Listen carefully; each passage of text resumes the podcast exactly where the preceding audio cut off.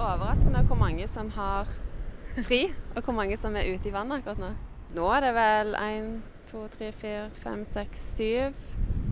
Og kanskje et par på vei. Så det er jo ikke så mange, men det er jo eventuelt flere folk andre spotter. Men nå når du bare ser alle bølger så her, kan du si noe om eh, perioden på bølgen? Kan man forstå omtrent hva perioden er, bare å se på bølgene? Ja, du ser det jo litt, for det, det er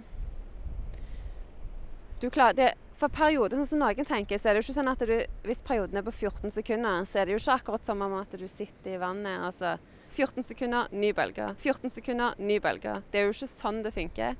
Men du klarer å se desto høyere periode, desto mindre rot er det. Desto liksom, så ser du, du ser en tydelig bølge, en linje kommer inn, og så bryter bølga. Så ser du en tydelig linje, og så bryter bølga.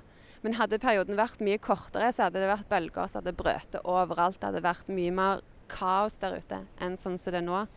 I dag er jo perioden på 14-15, tror jeg. Så da ser du at det er mye mer organisert òg. Men kan ikke du berette litt om uh, vi er nå någonstans? Ja, nå er det jo ikke helt lov å si navn på spottene. Eller det er ikke alle spotter her langs Jæren som det er så populært å si navnet på. De mest kjente er liksom greit å snakke om, men helst ikke de som ikke alle vet om det. Jeg kan berette at vi er på Jæren.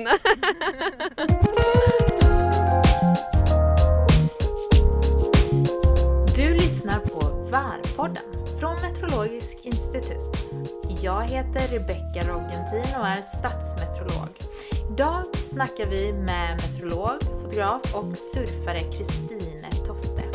Vi snackar om surfing, om Kristines tid på Hawaii och Björnöja och så reder vi ut flera meteorologiska begrepp om bölger. Vi börjar med en historia från Kristines liv. Egentligen hur en helt vanlig vardag ser ut för henne.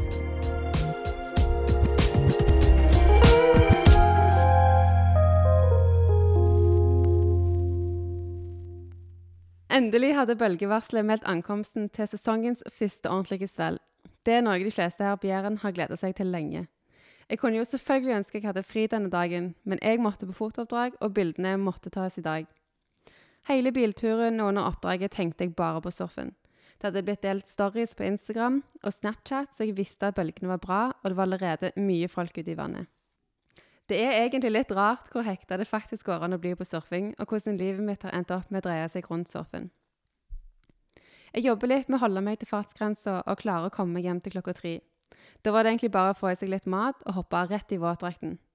Det var nesten bare én spot som funka den dagen pga. vind og svellretningen, så jeg kjørte bare rett der med sommerfugler i magen.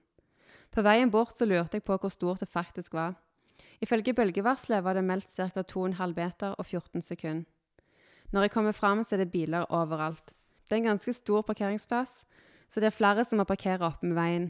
Ute i vannet er det omtrent 50 stykker, og det er mange på en surfespot. Jeg finner en plass å parkere, og jeg har heldigvis en liten bil. Det er stort, og jeg ser at bølgene er godt over hodestørrelse. Jeg må vente litt før jeg padler ut pga. det har nettopp kommet et sett. Etter det er blitt litt roligere, så forter jeg meg uti og padler til innsiden. Lenger ute på piken sitter det utrolig mye folk, og de fleste er veldig flinke surfere. Jeg tenker at hvis jeg skal få flest mulig bølger, så velger jeg å sitte på innsiden hvor det er minst folk, og da mindre bølger enn hva som finnes på selve piken. Jeg kjenner jeg er likevel nervøs og litt redd for at det skal komme noen skikkelige bomber. Det tar omtrent 30 minutter før jeg kjenner at jeg har kontroll og jeg føler meg trygg. Jeg har tatt et par bølger, men ikke noe bra. Det meste har vært close-outs. Jeg velger å padle litt nærmere piken og vente tålmodig på en større bølge. Det er mye folk i vannet, så jeg må vente på min tur. Plutselig dukker det opp ei bølge. Den er større enn de jeg har tidligere, og jeg padler ekstra hardt for å være sikker på at de kommer med. Jeg hopper raskt opp på brettet og ser at bølga har en fin vei så jeg kan prøve å gjøre noen surfemanøvers på. Jeg tar en bottom turn, kaster på armene og lager en sving, som vi kaller det på norsk. Jeg fortsetter ned gjennom bølga og tar enda en sving, før jeg ser at steinene nærmer seg og jeg må kjøre ut av bølga. Jeg tar brettet fatt, smiler til meg sjøl og padler ut igjen. Det har blitt mørkt når jeg tar min siste bølge og kjører fornøyd hjem. Hei Kristine, velkommen til Værpodden. Hei, tusen takk. Hvor er vi nu någonstans? Nå er vi på Klepp, som ligger på Jæren. Ja, og vi sitter i din lägenhet. Og hvorfor i din lägenhet på Jären? Det er fordi at det er veldig nærme havet, så da er det enkelt for meg å dra og surfe. Men det er jo litt lenger når jeg skal inn på jobb, inne i Stavanger f.eks.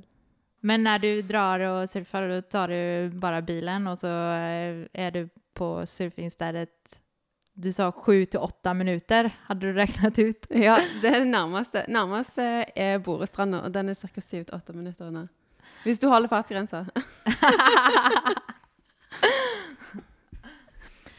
Jag tycker den här eh, historien som du har haft i starten är så himla... För man forstår din sån känsla. För det första är man så här superstressad i starten för man bara jeg måste ha de här bölgerna, det är bara bra nu och, och sen blir det dåligt. Och sen så bara när man har varit ute och surfat och så åker hem och så är man bara sådär sjukt förnöjd med dagen. Men jag tänkte bara sån, det var ju massa begrepp här. Massa sådana begrepp som eh, i vart fall inte jag riktigt hänger med på vad det betyder, jag som inte surfar. Men du sier ju sån, när det kommer ett sett med bølger, hva er det da? Det er vel egentlig bare grupper med bølger som kommer samla, og det kan jo være enten ei bølge, eller det kan være opptil seks bølger noen plasser. Men det er jo bare at det kommer større bølger enn hva som har vært. Akkurat der jeg sto, så var det en steinstrand, så det er mye steiner. Ja. Så når det er for at jeg skal komme meg uti, så Mm. kan det ikke være for mye bølger som slår inn mot meg, for da blir jeg slått inn mot, mot steinstranda igjen. Ja. Så det måtte være litt rolig, sånn at jeg kan time det når at det er litt rolig, og så bare padler jeg rett ut igjen. Ja. Sen så sa du jo at du var litt sånn eh, rädd, eller att man känner lite sån rädsla att det ska komma några sådana skickliga bomber. Vad är det då liksom? Det er, jo, det er jo det samme som et sett. Når det kommer et sett, så liksom for, Du sitter av og til kanskje litt lenger inne, og så aner du ikke helt hva som kommer når du akkurat har padla ut. Og så plutselig så kommer det et sett med noen skikkelig store bølger. Mm. Og da kan det jo være at du sitter på litt feil plass, og så du ender opp med at du får de rett i hodet. Og det er ganske ubehagelig. Ja. Och sen så sa du ju, för då sa du ju att bölgerna var i eh, hodestörelse. Mm. Och man kan ju typ förstå vad det är. Det är liksom lika stor som man själv Stemmer. Ja.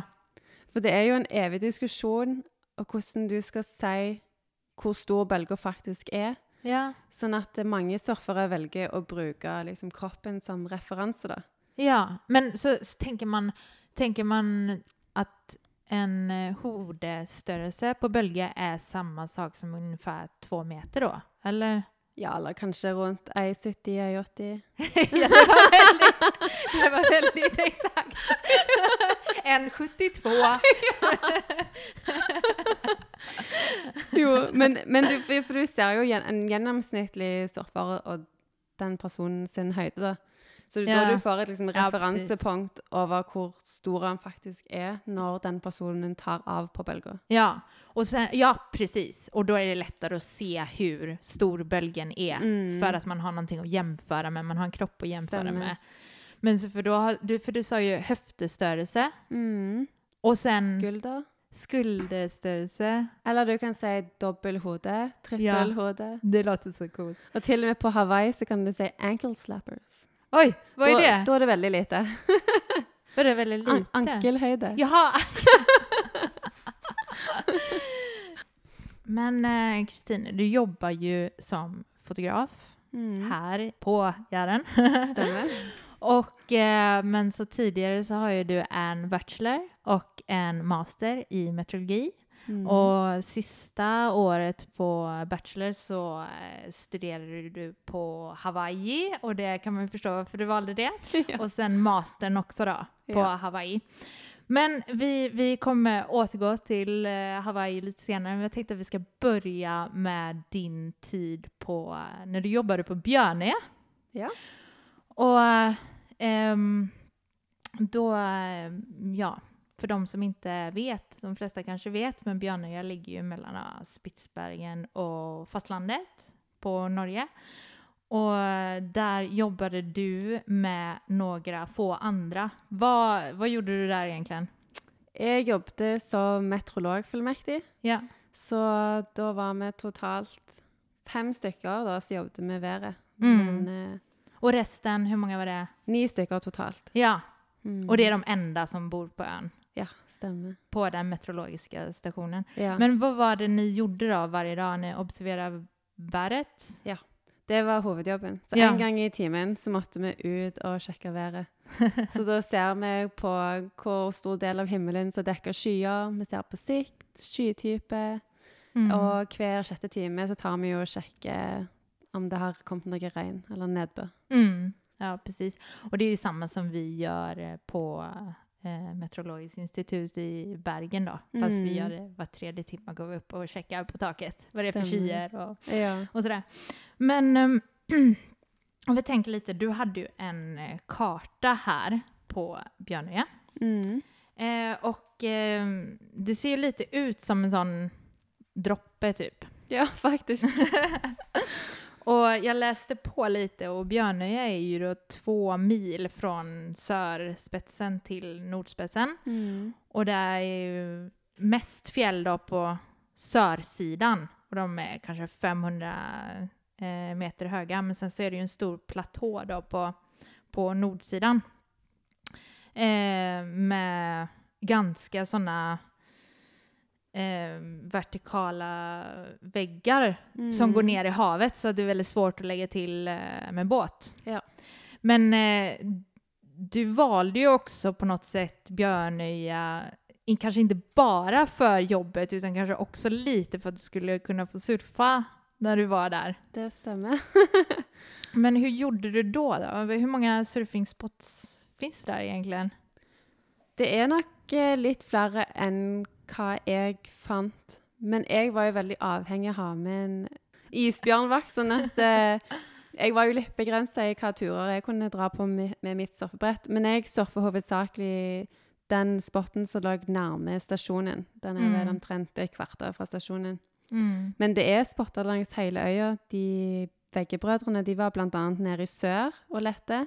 Det er jo ikke alle plasser du kan surfe, for det er ganske bratte fjellsider, så du kommer deg ikke så lett ned, og bølgene bryter jo heller ikke der.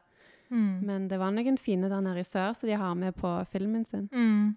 Men det med isbjörnsvakt, for, for det, eh, for det er jo så at man har ju då när man jobber jobbar där och man går utanför antar jag stationen så måste man ha med sig rifflar då ifall det kan komma en isbjörn Og Och det är väl mest om det är en isbjørn som flyter i land med isflak och så. Stemmer. Men, så, men du kunde inte surfa utan en som skulle kunna skydda dig då?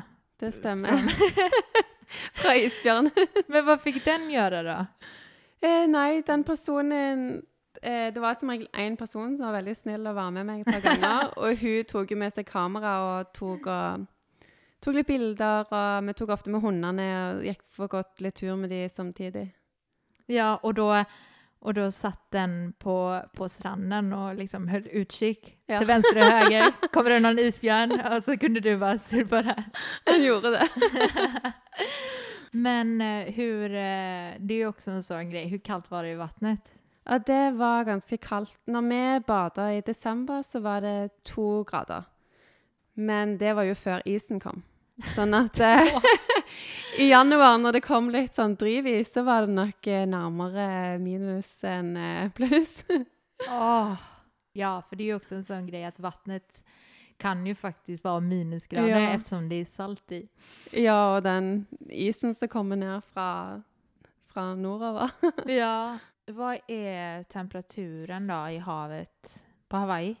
Det, jeg husker ikke helt, men eh, jeg tror på sommeren så begynner det å nærme seg opp i 25 grader. Ja. Og, det, og hur er det på vintern da? Er det, er det Et liksom... par grader kaldere. Ja, så det er liksom, eh, det er ganske varmt hele tiden. Så Ja. man behøver typ aldri ha våtdrakt på Nej. Hawaii. eneste som er behagelig å ha våtdrakt, er på morgenene på vinteren. Mm. For da kan det være bitte litt kjølig i lufta. Mm. Men det, det er varmt i vannet året rundt. Mm.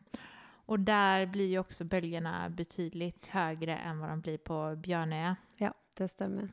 Men du, men du berättade ju om Hawaii att det är liksom på vintern så surfar man mest på nordsidan av Hawaii Mm. och sen på, på sommarhalvåret så surfar man mest på sörsidan. Kan inte du berätta lite om det, varför man gör det? På vinteren så er stormene til De starter jo nordvest. Hvis du er på Hawaii, så starter Mm. det opp i nordvest. Og så Mm. reiser lavtrykkene ned mot Hawaii, og så Mm. dypper de rett opp igjen. Og da er de såpass sterke, og de er såpass nærme Hawaii, Mm. at eh, de blir ganske store. Mm. Men eh, på Når det er omvendt, når det er sommer på Mm. nord, nord, nordlig halvkule, Mm. så er det jo vinter på sørlig halvkule. Ja. Og det er jo da stormene er nede på sørlig halvkule.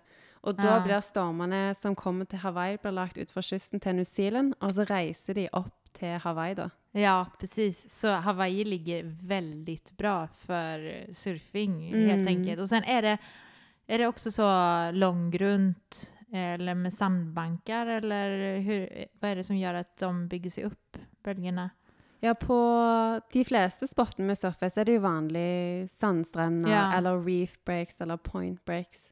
Men sånn som Waimea og den Jazzen heter, så er det jo en veldig sånn dyp, eller bratt skråning, da. Ja. Plutselig blir det grunt.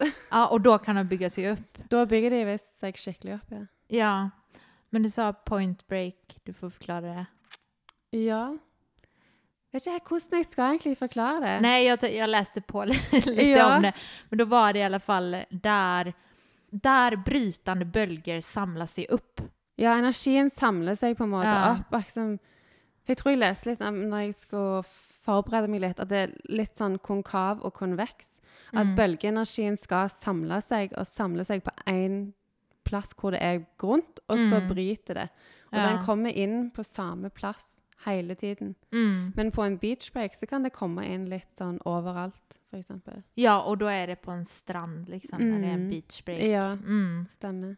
Og reef break, er det at det er et rev på botten som Det gjør stemmer. at bølgene bygger seg opp og sen bryter. Mm, og det er jo mye mer på en reef break. Revet forandrer seg jo ikke så veldig mye fra dag til dag kontra hva en strand kan gjøre. Just det.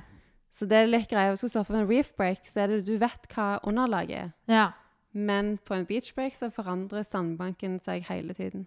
Ja, precis. For da er det jo havstrømmene som gjør at Mm. sanden forflytter seg eh, i Mm. havet. Og sen så, så, så da kan jo bølgebrytningen se olika ut fra från vecka til vecka. Ja, eller eller Ja. time for time og dag til dag, nesten. ja, det er sånn. Ja. Ja. Och sen, men det som är som jag kan tänka mig eh, nackdelen med reef break, även fast det är stilla, det är ju att man kan skada sig ganska rejält, va? Eller? Jo, inte... men sånn som på Hawaii så Og mange andre plasser i verden så er jo mye av revet er jo skada. Ja. Så det revet på Hawaii der jeg surfa, så var revet dødt. Og det var helt sånn Ja. mykt rev. Så det eneste jeg var litt redd for, var sea urchins. For de kan gå Hva inn i foten. Sa du, hva, var det för Det er sånn kråkeboller som du finner i Ja, utlandet. Sånn, ja, men de er vel ikke farlige? Eller, Nei, men det gjør veldig kan... vondt. Ah. Hvis du får de under foten din der du trør, ja. der du legger press når du går, så ah. kan det vare et par dager. Være ganske ubehagelig. ja, typ som å, å trampe på en geting. Det gjør jo så Ja. himla Stemmer. ont.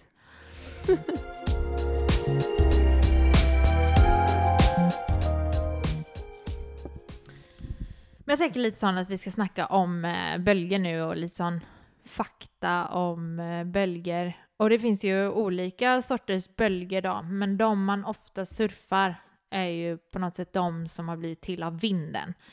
Eh, så bølger kan jo bli til på annet sett, som f.eks. et jordskjelv, så det skapes en tsunami. Men de som blir til av vinden, og det beror jo da på eh, det som gör att de bygger sig upp beror ju på tre olika saker som man kanskje ikke tenker på. Det gjør ju då bland annat, da det mest selvklare, det er vindstyrkan. Eh, og sen er det da under hvor lang tid det har blåst. Og sen er det også den grejen som jeg Jeg tror ikke alle tenker på det, men hur länge, over över hur stort avstånd bölgerna har byggt sig upp. Och det blir ju det, det är väl antagligen därför det är så himla bra att surfa här i Norge, för att det finns sån lång sträcka ute i Norska havet där bölgerna kan bygga sig upp. Eh, men ska vi ta lite sådana begrepp då? Bölgehöjd. ja. Det har vi ju redan snackat lite om, men vi kanske bara ska ta sån vad det er for någonting. ja. Ja, for det, det er ganske sånn omdiskutert hva, hvordan du skal måle bølgehøyden. Ja. Så vitenskapelig så er det jo fra bunn til topp. Mm. Men så er det jo ikke alltid at den bunnen da er rett over toppen. Det kan være at det bunnen sånn at egentlig ligger lenger framme, og så er toppen lenger bak. Sånn at eh, hvis du skal liksom være veldig sånn teknisk, så er det ikke så lett å definere det. Og Mm. mange surfere har jo òg brukt mye tid på å finne ut Mm. hvordan de skal gjøre det. Ja. Men enkelt, på en enkel måte så er det jo fra bunn til topp. ja. Och sen, eh, det var en bra beskrivning, verkligen. Eh, men eh, bølgelängd da? Bøl så bølgelengden er vel egentlig bare lengden fra en bølgetopp til en annen bølgetopp, eller fra en Mm. bølgebunn til en annen bølgebunn. Ja. Och bölgeperioden är det tiden det Mm. tar från en topp Mm. till nästa topp. Ja. Men, och, och då passera en fixed eh, Mm. punkt då. Mm. Men eh, dönning då, det är ju det som ni bara älskar. Det er det. Men det är svårt att liksom säga en sån definition på dönning bara så ja. rakt av. Hur tänker, vad tänker du att dönning är? Tenker, Eller swell som du sier. Ja, eller Ja. svell, som jeg sier. Ja. Jeg tenker at um, Sånn som du sier de tre begrepene, at Mm. alle de må jo gå sammen. Og da må jo ha blåst over et lengre strekk over Mm. lengre tid. For hvis ikke så er det jo sånn veldig kort periode bølger. Mm. Og de er som regel ikke nok energi til at eh, noen kan surfe på. Mm. Så meg og deg snakket jo litt om det, jeg tror vi kan si at eh, du kan godt surfe på et svell som har periode på syv til åtte, men får du Mm. inn et svell eller dønning på ti sekunder, da kan du surfe det. Mm. Och sen så är jo også ju också dönning på något sätt, alltså vissa säger ju gammal sjö till dönning. Har du hört det? Nei. Nej, men det kanske bara är sån, jag vet inte, kanske det är pappa som brukar säga det. Jeg Men jeg har en ting som jeg merker at veldig mange sier til meg, og det er at akkurat når det blåser, så sier de til meg, hvis det er veldig sterk vind, så sier de alltid, åh, men du må ikke gå og surfe nå, for nå er det sikkert kjempestore bølger. Ja, Men de skjønner ikke at bølgene Nei. blir ikke lagt her og nå. De blir jo lagt langt ut på havet, og så har de reist, ikke nødvendigvis veldig langt, men de har nok reist et godt stykke. ja. Og det er jo precis det som dønning er. Det Mm. at, at att bölgerna har rørt seg ifrån, fra der de først ble til, Mm. og har rørt seg därifrån, det er da det kalles eh, dønning. Ja. Og samme sett at eh, eller at eh, det har blåst veldig mye, og vinden har avtaget. Da er Mm. de, da er dønningen kvar. ja. Det er jo precis det. Mm. Och, och eh, det är också att eh, när dönningen kommer in mot stranden eller in mot en surfingstäd så blir ju eh, vattendjupet blir eh, mycket grundare Mm. och det gör då att bölgerna, den, dens rörelseenergi byggs upp till potentiell energi och de blir Mm. mycket då högre då. Mm. Som, eh, och sen det där att, att eh, när vattendjupet är eh, eh, mindre än hälften av bølgelengden, det är då de bygger sig upp. Ja, Det är lite stemmer. kul att tänka Ja. så. Ja. Men det er litt komplisert når du liksom skal virkelig gå inn på det tekniske rundt det. Ja, och det är ju det, det är ju det, bölgerna, det är ju ett kaotiskt system och det är Mm. Det är väldigt sånt, det är väldigt komplext. Ja. Och så på Meteorologiskt institut så finns det ju flera forskare som bara sitter och forskar på bölger liksom mm. dag ut och dag in. Och det är ju att, att först blåser det åt ett håll och så blir det till eh, bölger där. Och sen så Mm. blåser det åt ett annat håll och så blir det till Mm. bölger där. Och sen så går de bölgerna ihop och så har de olika perioder, eller de har olika bølgelengder. då. Så, Mm. så vissa bölger kan ju bli veldig väldigt stora då och vissa bölger kan bare sånn Ja. plattes ut.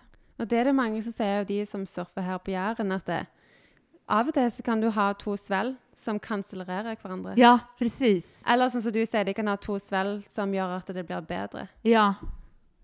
Så att de, så det, den bølgen blir veldig mye større mm. enn resten. Mm. For det er jo også sånn greie med at det kan være ganske farlig når det er uvær, at man går ut og steller seg ved kysten. mm. For da helt plutselig så kan to bølger gå ihop og bli veldig, veldig stor og veldig mye større enn resten og Mm. kan da liksom ta med en ned fra Og det har jo vi sett i Norge, at, at det Mm. kan, kan ta med seg folk som står ute på, på kysten og tar kort Mm. eller hva som helst. Så det är väldigt farligt att liksom hålla sig ute då när det är sån riktigt storm och väder för att Ja. man bare skal se på, på stormen liksom. Mm.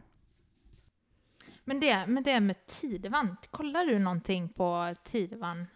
Vi er jo så heldige som har et amfidromisk punkt nede i Egersund. Okej. Så vi har jo nesten ingenting tidevannsforskjell her, i, her på Jæren. Ja. Det tror jeg er en halv meter på det meste, hvis Ja. det stemmer. ja. Men eh, når vi drar på surfetur til Lofoten, Mm. da er det jo litt mer viktig å tenke på tidevannet.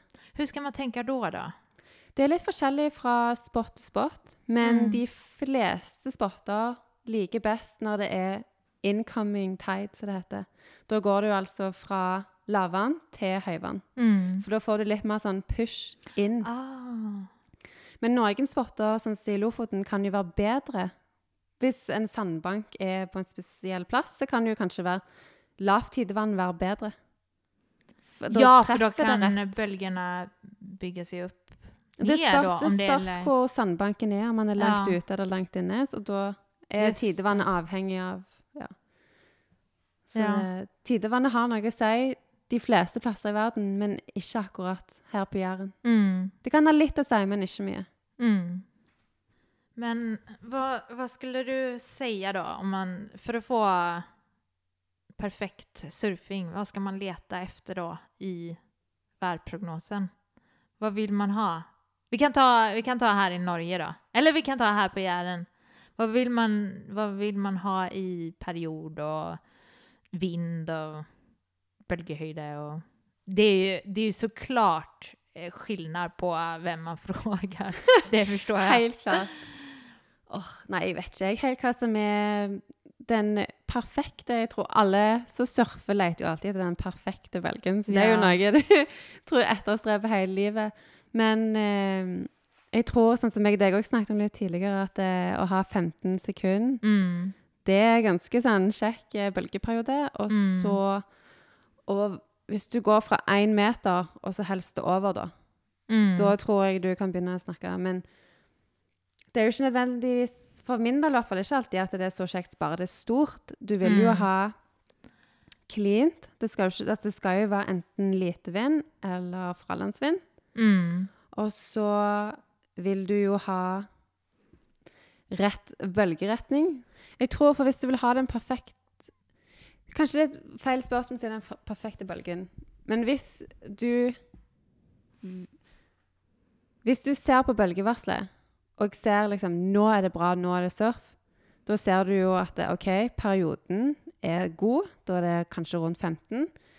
Og det er mellom 1 og 3 meter. Mm. Vindretningen er enten fra altså fralandsvind Mm. eller veldig lite vind. Mm. Og, vind, nei, og svellretningen kommer inn mot land der du bor, Ja. sånn at det treffer fint. Mm. Sånn som her på kysten På Jæren så varierer jo det mellom sør sørvest og nord-nordvest. Mm. Vi kan jo ikke ha noen andre retninger, for da Mm. har Ja, ikke vi på swellet ja. Mm. Ja, da treffer det jo ikke Och oss. sen, men varför frånlandsvind? Det måste du förklara varför man vill ha frånlandsvind. Ja. Vi vil jo helst ha fralandsvind, sånn at det, bølgene blir dytta litt opp. De Mm. blir litt større. Og når det Mm. er fralandsvind, så er sjøen mye roligere. Mm. Men det er jo roligere med siden bølgene bryter med land, og når da vinden treffer vannet, så har ikke en hatt tid til å generere opp sånne små vindbølger. Men hvis du ser omvendt, hvis det er fraland, pålandsvind, Pålandsvind. pålandsvind, så er det mye mer rot. Det er mye mer sånn småbølger, det bryter litt overalt, så det er ikke så organisert som om Mm. vi har fralandsvind. Og det har jo ni andre begrepp også innan, innenfor surfingen og da heter det da Offshore og onshore. Ja, så Og det sier de fleste surfere. Det er veldig få av oss som sier ja, nå er det pålandsvind. Ja, precis. Så du får gjerne si det her, altså. så offshore vind er altså eh, frånlandsvind. Ja, stemmer Og eh, onshore vind är pålandsvind. Ja. Ja. Men jag tänker, i, i Norge då? Vad finns det, vilk, vilka är de liksom bästa, eller bästa surfingställena kan du kanske inte säga, men vilka, vart någonstans i Norge kan man surfa? Jeg tror du kan si det, og jeg tror du kan si at de beste plassene i Norge, det er jo tre. Jæren, Stad og Lofoten. Det er de Mm. tre plassene som får inn mest bølger hele året. Mm. Men så er det jo masse spotter langs hele kysten. Og du Mm. begynner jo i Oslofjorden, og du kan dra innom Lista, Karmøyna, Ålesund, Bodø. Mm. Det finnes utrolig mange spotter, men det er jo veldig sjeldent at det er bølger der. I Mm. forhold til de tre andre jeg snakket om. Mm. Och utomlands da? Ja, der er det masse. Der er det veldig masse. I hvert- fall i Stillehavet. ja, i Stillehavet. Og til og med liksom, hvis du drar liksom sør fra oss i Atlanteren, altså Portugal for Mm. eksempel, eller bare England i Cornwall får nok mye mer Ah, bølger enn oss. Ja. Jeg var nettopp i Japan, og der surfa vi tyfoonsvell. Ja, jeg vet. Ja. Det var det du berettet. Det jo så Mm. himla kul å snakke Ja. om tyfoonsväll. Ja, det hørtes jo helt sykt ut, men de var jo, det var jo ikke så stort, heldigvis. Mm. När jag var i Frankrike när jag var liten, typ, jag tror jag var kanske 10 år, eller 10-12 år eller någonting. Och så var jag och min familj på stranden och sen så hade vi några vänner till familjen där. Och, så, och jag har ju liksom alltid varit väldigt sån eh, bekväm i havet och simma och allt sånt där. Och så, så jag bara, ja jag sticker ut och simmar lite och så sa mina föräldrar bara, ja ja visst varsågod. Och sen så sa bara han, eh, min pappas kompis då, bara, ja men jag följer med, jag följer med eh, henne ut i havet. Och så tänkte jag sån, men då, jag kan ju simma liksom. Och sen så bara stack jag ut i havet. Och så bara eh, simma lite och sen tänkte jag nu vill jag komma upp igen. Och så simmade jag in mot land. Och sen så bara så kom jag med en bölge in. Och så precis när jag hade kommit typ till land så bara åkte jag ut igen och så åkte jag nästan hela vägen, alltså ännu längre ut än jag var tidigare och så simmade jag in igen. Och så åkte jag ut igen och jag bara simma och simma och simma in mot land. Jag kunde bara inte komma till land. Jag kommer ihåg att jag bara blev tröttare och tröttare och tröttare. Och till slut så såg ju då pappas kompis som var där och passade på mig, vilket var väldigt tur att han gjorde. Så han bara såg hur sliten jag blev, så han bara han var sån superstor och stark. Och så bara tog han mig sån i ena armen och bara liksom drog mig in. Och så var jag sån när jag kom upp på stranden så var jag bara helt som spaghetti för jag hade bara jag var så slut i hela kroppen. Men då har jag forstått förstått att det, det är ju någonting då farligt, men det är ändå på något sätt någonting som ni surfare vill ha, eller hur? En så kallad eh, rip current. Ja, eller i hvert fall på en beach break, og point break òg, så er det jo for vår fordel at du kan ta i bølger, Mm. surfe på den, og så tar whip current deg rett ut igjen. Så du trenger nesten ikke padle engang. Du bare går tilbake igjen, så det blir akkurat som en sirkel hvor du surfer, går i whip currenten, og så bare så driver du ut igjen. Ja, men du må også forklare det med whipcurrant. current. Så det er vel egentlig, i hvert fall på en eh, sandstrand, så har du jo Hvis du skal se for deg en illustrasjon, så er det jo to sandbanker hvor det bryter bølger. Mm. Og imellom disse sandbankene så er det dypere vann. Mm. Så det er jo her havet, eller vannet, da går ut igjen. Mm. Så da klarer du Ikke alltid, men du kan som regel se det på Hvis du står på stranda og ser på havet, så ser du to steder for eksempel, hvor det bryter bølger, hvor det er liksom mer sånn skum, og, det bryter, og du ser at de bryter. Og så kanskje i midten så ser du at det er ikke så mange bølger som bryter. Akkurat som det er litt sånne små bevegelser som går ut igjen da. Mm. Og det er jo der den strømmen er. Så hvis Mm. du prøver å svømme inn da, rett mot den strømmen, så kommer du jo ingen vei. Så hvis du padler på skrå, så kommer du deg jo bort ifra den eh, strømmen, og så kommer du deg jo inn på land. Og da kan du kanskje, sånn som du prøvde på å komme inn med ei bølge, komme deg helt inn til land. Ja, så i mitt fall där då så skulle jag ha simmat åt sidan och Ja. inte simmat mot land utan simma Ja. mot sidan så att jag hellre kan komma eh, med strömmen inåt Mm. istället för att simma mot strömmen så som jag Ja. gjorde då. For det er mange som bader, eller de går uti der det er en rip current, for det ser så rolig ut. Men det er jo da du blir tatt ut. Just det! Ja, så det er derfor så veldig mange at det skjer mye ulykker. Bare her på Borestranda i fjor så skjedde det jo nesten tre drukningsulykker pga. sterk strømning ut. Mm. Men det er sånn Eh, så, rip currents det er jo sånt som surfere ändå har koll på men kanskje mm. ikke som nybegynnere så har man ikke koll på det. Nei. Jeg fikk aldri lært det når jeg begynte å surfe. Mm. Det tok meg en tur til Australia før jeg virkelig fikk eh, lære hva en rip current var. Mm. Så det är bra att hålla koll på. Men för då finns det olika, så finns det ju också någonting då som heter backwash. Mm. Vad är det för någonting? Backwash får du når det ikke er en tydelig sånn rip current. Ja. Da opplever du f.eks. hvis du skal surfe, at du ser ei bølge, så begynner du å padle på den. Og Mm. enten så blir jo den bølga plutselig kjempestor, for da har jo den det vannet som kom inn mot land, det må jo ut igjen. Mm. Så da plutselig så ble den bølga ekstra stor. Eller Mm. så kan det motsatte skje. Du ser ei bølge, begynner å padle på den, og så plutselig bare forsvant bølga. ja. Sånn at eh, backwash kan på en måte ha en negativ effekt, eller det kan ha en litt positiv effekt. Plutselig ble bølga litt ekstra stor. ja. Men man kanskje heller har en rip current da, enn en backwash. Ja. Mm. Det, da har du litt mer kontroll. Mm. Jeg tenker litt sånn vad, vad er det for ulykker som kan skje i form av surfing? Det fins jo masse ulykker, men jeg tenker på framfor alt innenfor bølger og, og, vær og sånt som det er det vi snakker mest om her i dag. Mm. Ja, for vi snakket om det er vel helst eh, svømmere som blir tatt av sånn rip currents. Ja, For har du et brett, så klarer du som regel det. Du kan i hvert fall hvile litt, og så prøve å komme deg inn. just det. Eller Mm. Du kan jo fortsatt bli tatt i en rip current og liksom padle på brettet mot, mot, mot, mot. Da kommer du jo, ja, Mm. da kommer du jo ingen vei. Um, så da er det jo selvfølgelig viktig å vite at du må padle, alltid padle inn på skrå. Mm. Men det kan jo skje andre ulykker, som at du kan slå hodet i en stein, eller på Mm. revet, eller du kan slå, slå brettet ditt eh, i hodet. Mm. Og i verste fall så blir du jo slått bevisstløs, og da kan du jo drukne. Mm. Men du kan jo òg krasje med andre folk, så det er veldig det. viktig at, eh, at surfeetiketten i vannet blir opprettholdt. Mm.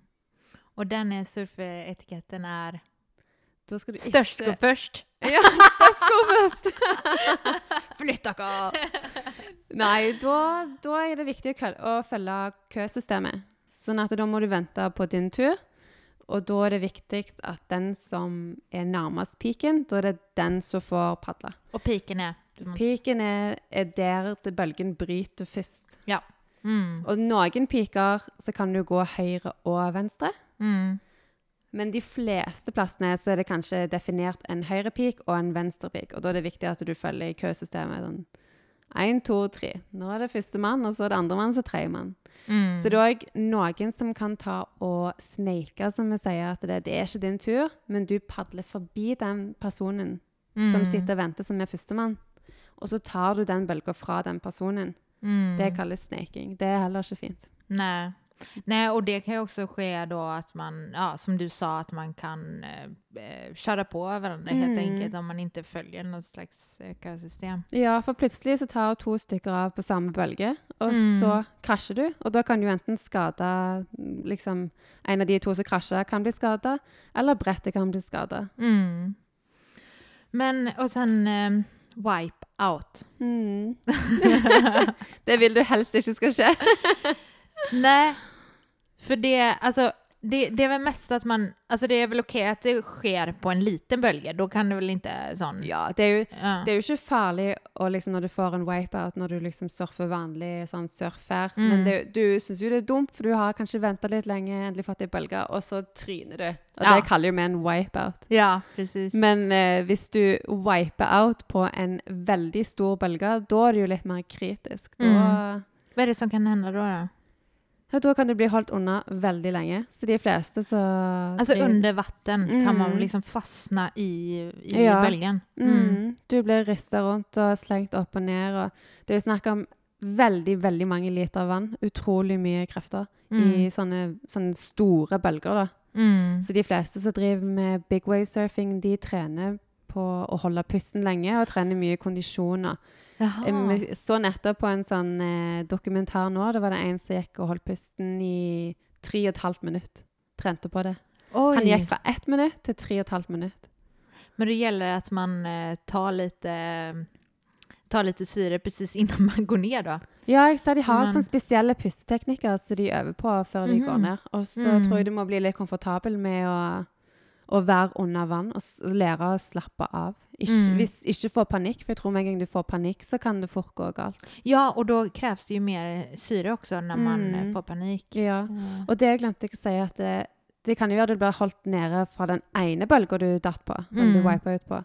Men ofte i et sett så er det jo flere bølger, Just så da må du kanskje holde pusten to ganger til, eller tre Mm. ganger til, og det er da det begynner å bli kritisk. Mm. Da har du lite oksygen igjen. Mm. Og da heter det när man, eh, när man sån hall, eh, blir som en docka. Ja, ja, ja. For hvis du blir tatt av en stor, stor stor bølge, nå snakker vi opp i sånn 20-30 meter, Mm. da blir du kasta rundt som en ragdoll. Ja. Det kan du bare se for deg at noen holder ei dukke, og så rister de skikkelig hardt i den dukka. Sånn tror jeg det føles når du blir tatt av ei såpass Mm. stor bølge. Men kan det också vara så att man, för vattnet kan ju vara ganska hårt Mm. när man, eh, alltså när man slår i det. Ja. Så kan det också vara så att man kan slå i huvudet på vattnet för att det är så hårt? Eller? Jo, jeg er ganske Ja. sikker på det. Ja, man är väldigt Jeg högt tror nok at du kan være ganske uheldig. Du kan se på noen sånne surfevideoer på YouTube hvor mm. du liksom bare spretter ned gjennom. For dette det Ja. Nei. Nei takk, sier jeg bare. Ja. ja, precis. Och sen är det ju, men eh, det har ju kanske inte så mycket med oceanografi och meteorologi att göra, men eh, hajar får man ju hålla lite utkik för. Ja. Speciellt här på Jæren. Ja, spesielt her på Jæren. Vi har pigghår, faktisk. Ja. Men, eh, men munnen er vel ganske liten, og de tror jeg kun spiser plankton. Hvis det stemmer. ja. De spiser i hvert fall ikke mennesker. Nej.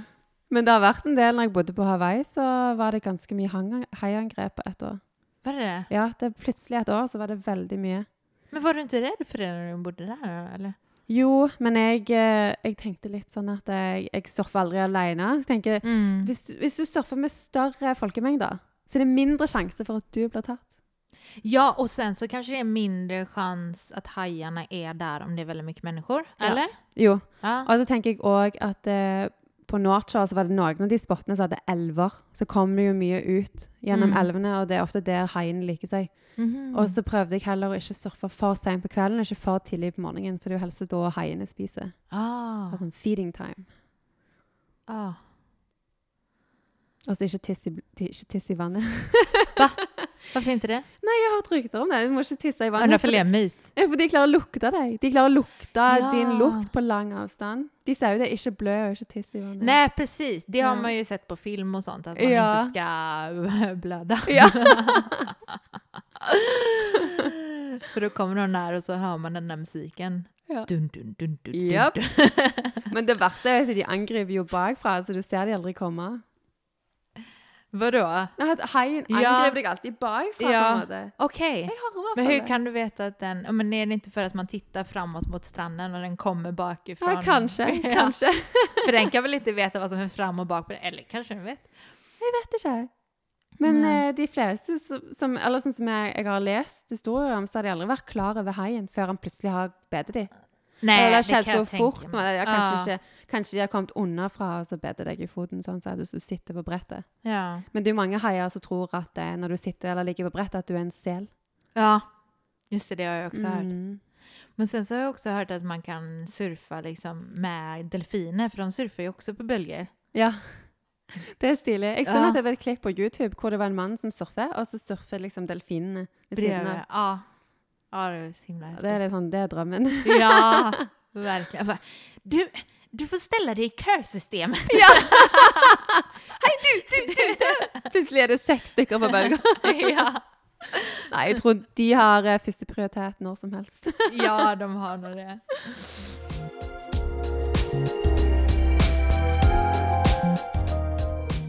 For du hadde jo du bodde jo på Hawaii ganske lenge. tre Mm. år. Ja, nest eh, fire og et halvt. Ja, och då hade ju du eh, andra slags varsel för att titta, eller vad tittade du på för vägvarsel innan du gav dig ut i, på Hawaii? Ja, da sjekker vi Surfline. Surfline, Ja, ok. For de bruker værdata fra USA. Ja, GFS heter Mm. det. ja, just det. Mm. Mm. Men den funker jo ikke her i Norge. Nej, den, eh, nej, den kanske är lite sämre. Den finns ju över hela... Mm. Den är ju sån global... eh, Ja, stämmer. Men, eh, men det er nesten alltid feil. ja, ja. Så den, Men eh, så, och sen så berättar du också att du... ehm, ehm, du på Hawaii så fanns det Mm. en sån böje Mm. utanför stranden eller en Ja. bit bort. Och då kunde du se på observationer vad det var for bølger som er på vei. Mm. Det er helt sant. De har, jeg husker ikke hvor mange det var, men de hadde et par sånn buoys ja. rundt omkring eh, og, ja, både Wahoo og resten av øyene. Mm. Og den jeg sjekte, den tror jeg lå sånn åtte timer unna. Mm. Så du klarte å se direkte hva den målte av bølgehøyde og periode. Og ut ifra Mm. det så klarte du å regne sånn cirka når Ja, et svelg kunne treffe. Mm. Så det var ganske magisk. For Mm. det var jo en ordentlig sånn buoy som lå der ute. Mm.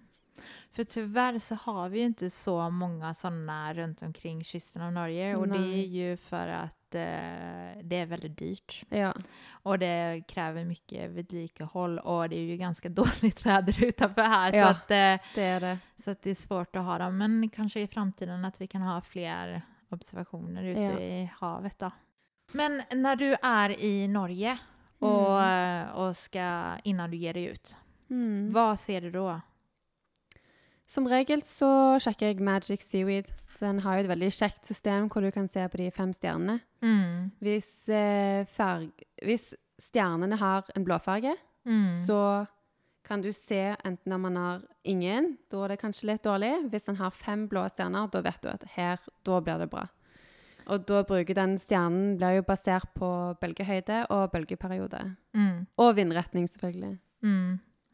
Så, men det er jo også så att eh, det er ganske, kanskje ganske høye bølger om det er fem stjerner, Så man får jo være ganske erfaren surfer også da, om man skal Ja, men faktisk utan- ikke alltid. Nei, ikke alltid. Okay. Nei, det Mm. tror så lenge eh, bølgeretningen og vindretningen er optimal, Mm. så kan det være eh, lite eller stort. Mm. Um, men du har helt rett i det du sier. For det om det er fem stjerner, så kan du ikke bare si «Woho, her er det bra, jeg hopper uti. For plutselig så er det litt større enn hva du egentlig hadde forventa. Mm. Om man er nybegynner, da, hva skal man lete efter da i bølgeperiode og, og bölgehöjder? Da tror jeg jeg hadde gått for en litt lavere bølgehøyde og Mm. bølgeperiode, Mm. med tanke på at det er kjekkest å begynne på en sandstrand. Mm. For på en sandstrand så er det mye mykere hvis det Mm. faktisk går galt. Og så er det ofte et større område, så du er ikke så tett oppi så mange folk. Mm. Så da hadde jeg enten prøvd å sette sjøl Magic Seaweed, eller du kan ringe en sånn lokal eh, surfeskole og bare spørre hvordan forholdene er, og Mm. om det passer for deg i dag. Mm. Nej, jag bara... Nu när jag har snackat med dig idag och fått följa med och se på bölgerna ute på stranden på de hemliga ställena Ja. här. Och bara... Jag har snackat med dig, jag blir så himla inspirerad till att eh, jag är sugen på att börja surfa. Det verkar ju bara så härligt. Ja, det er veldig kjekt. Du, må- du, vi drar og surfer nå, da. Jag tyckte det var lite för höga bölger för Ja, det var mig. litt stort alltså. i dag. Det var litt. Jag tror nog inte jag skulle klara det. Men vad sker nu framöver då med dig? Nei, nå er det jo boligfotografi. Jeg Ja. driver med boligfotografering. Så det blir nok mest eh, boligfotografering. Og så når jeg har fri, så blir det surfing. Mm. Og om man vil kontakta deg, hva gjør man då? Da kan du sende meg en melding på Instagrammen min, eller på Bare sende meg en e-post. Mm. Man kan googla det helt enkelt så får Ja. man fram e-posten. Ja, Det gjør du. Men eh, vil jeg bare takke tacka verkligen dig för att du eh, ville være med och snacka i Värpodden och jag tror att alle alla som har lyssnat på det här avsnittet har fått väldigt mycket bra information. Och sen så får man bara ge sig ut och surfa helt enkelt. Takk for at jeg fikk bli med, og det syns jeg òg.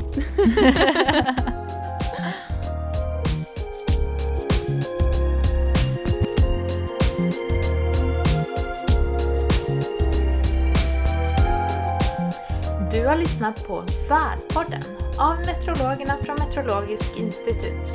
Vi hörs igen nästa gång.